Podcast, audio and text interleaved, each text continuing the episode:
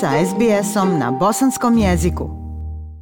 Aisha, lijep pozdrav tebi i slušateljima SBS radija. Specijalni zaslanik Sjedinjenih američkih država za izbornu reformu Matthew Palmer i evropska zvaničnica Angelina Eichhorst eh, stigli su 25. januara u Bosnu i Hercegovinu, u glavni grad Sarajevo. Eh, američki i evropski zvaničnici stigli su dakle, u Bosnu i Hercegovinu na novu rundu pregovora sa bosansko-hercegovačkim zvaničnicima, a sve u vezi sa izmjenama izbornog zakona. A iša ono što je bitno reći jeste da e, su ključni pregovori e, zapravo nakon Sarajeva nastavljeni u Neumu i to od e, 28. januara i trajeće sve do 30. januara. I mnogi su se već ovdje našalili kako se upravo iz Neuma očekuje bijeli dim. Kada su došli u Sarajevo, dakle 25. januara, oni su najprije razgovarali sa kolegijem oba doba parlamentarne skupštine Bosne i Hercegovine, zatim sa liderima i zvaničnicima i predstavnicima vlasti i opozicije, e, zatim e, sa predstavnicima stranaka svih iz Federacije Bosne i Hercegovine e, i Republike Srpske i sa članovima interresorne radne grupe. E, ovi e, razgovori su dakle obavljeni u Sarajevu, a na samom dolasku, dakle prvog dana boravka u glavnom gradu Bosne i Hercegovine, direktorica pri Evropskoj službi za vanjske poslove Angelina Ehorst je nakon sastanka sa članovima zajedničkog kolegija oba doma parlamenta Bosne i Hercegovine poručila da joj je drago što je opet u Sarajevu i dodala je da je postojeća politička kriza neprihvatljiva za građane ove zemlje. Poslušajte Angelinu Eichhorst. Citizens of Bosnia and Herzegovina want to take part in elections.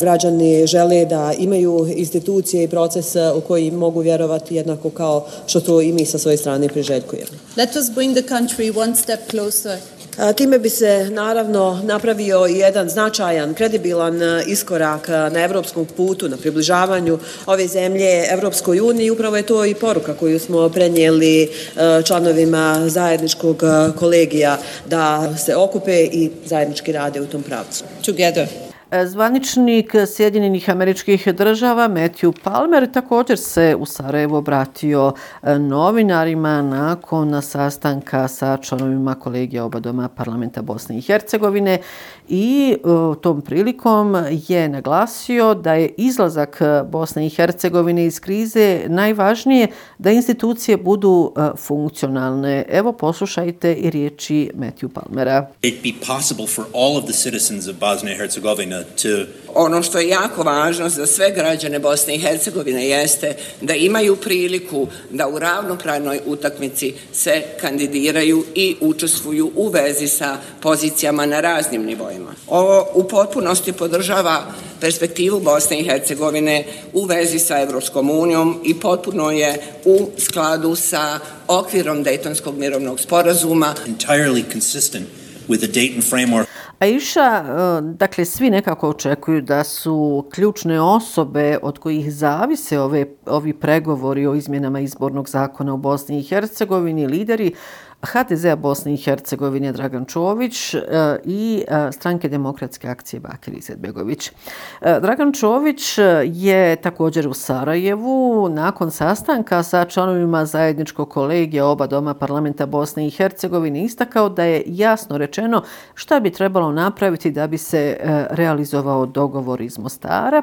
I evo poslušajte dakle izjavu Dragana Čovića. Treba implementirati i presudu Ustavnog suda Bosne i Hercegovine i svih presuda suda u Strasburu, osigurati ono što mi kažemo eh, legitimno predstavljanje konstitutivnih naroda, ali uz to sve napraviti i ograničene izmjene Ustava, osigurati integritet izbornog procesa i na kraju da osiguramo funkcioniranje Federacije Bosne i Hercegovine. Lider stranke demokratske akcije Bakir Izetbegović eh, je imao susret u Sarajevu eh, sa Palmerom i Eichhorst i odgovorio je na brojna novinarska pitanja, dakle na jedno od pitanja gdje izlazi iz ove situacije, istakao je da je dakle najveća odgovornost na HDZ u Bosni i Hercegovini. Evo poslušajte evo šta je dakle izjavio Bakir Izetbegović. Gdje izlazi iz ovoga svega? To je spremnost eventualna HDZ-a i HNS-a da shvate da nemaju pravo na veto i blokadu 100% tema koje se odnose na Federaciju Bosne i Hercegovine. Jer u ovome času oni to rade. Blokiraju Federaciju. U Sarajevo je e, 26. Januara na razgovore sa Palmerom i Ajhorsta stigao i lider SNSD-a e, Milorad Dodik. E, u Republici Srpskoj će se birati direktno svi koji odu u institucije Bosne i Hercegovine, to je poručio Milorad Dodik, dakle lider SNSD-a nakon sastanka e, e, lidera političkih stranaka koje čine vlast u Republici Srpskoj sa e, Matthew Palmerom i Angelinom Eichhorst. E, kazao je kako se prvi put razgovaralo o Domu naroda parlamenta Bosne i Hercegovine i načinu e, izbora njihovih predstavnika. Poslušajte i obraćanje novinarima Milorada Dodika. Mi želimo da vidimo i omogućimo da Srbi biraju delegaciju, a da to ne bude neka kamuflaža kao što su to do sada imali i da ta delegacija u pravilu ima popunu kako je bila predviđena, kako se predviđa ustavom, a ne da to bude od 17, 10, 9 kako je to bilo doskoro. Evo, prvi put je sad delegacija popunjena. Aisha, eh, Matthew Palmer i Angelina Eichhorst eh, imali su, kako sam već rekla, u Sarajevu čitav niz susreta sa predstavnicima stranaka iz opozicije, kako iz Republike Srpske, tako iz Federacije Bosne i Hercegovine, ali ono što je izvjesno eh, da među delegacijama koje učestvuju u razgovorima u Neumosu, E, SDA, HDZ, SBB, e, dakle iz Federacije Bosne i Hercegovine i Narod e, i Pravda. Nekako od ranije je poznato javnosti da sastancima ne prisustvuju SDP, DF i naša stranka. Sve ove stranke koje ne prisustvuju razgovorima u Neumu su se izjasnile da ne žele da razgovaraju, kako oni kažu, u kafanama, odnosno u nekom hotelu i da je e, osnovni princip razgovor u institucijama Bosne i Hercegovine, a prije svih tih razgovora e, treba doći do deblokade e, države, odnosno rada državnih institucija.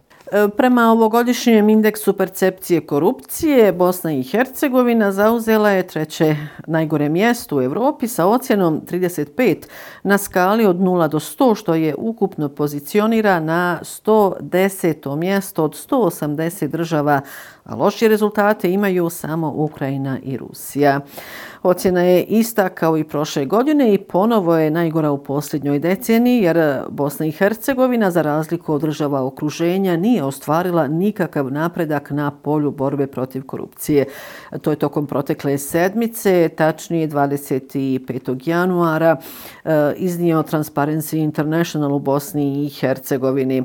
E, Transparency International posebno upozorava da sve češće pojave kršenja ljudskih prava, e, slabljenje demokratije i jačanje autoritarnih e, režima dovode do višeg stepena korupcije u Bosni i Hercegovini.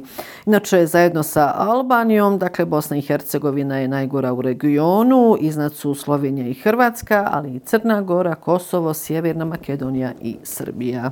I eto iša toliko ovoga puta iz glavnog grada Bosne i Hercegovine. Još jednom vam e, srdačne pozdrave iz Sarajeva šalje Semra Duranović-Koso. SBS na bosanskom. Podijelite naše priče preko Facebooka. Želite poslušati još ovakvih priča? Slušajte preko Apple podcasta, Google podcasta, Spotify ili kako god da primate svoje podcastove.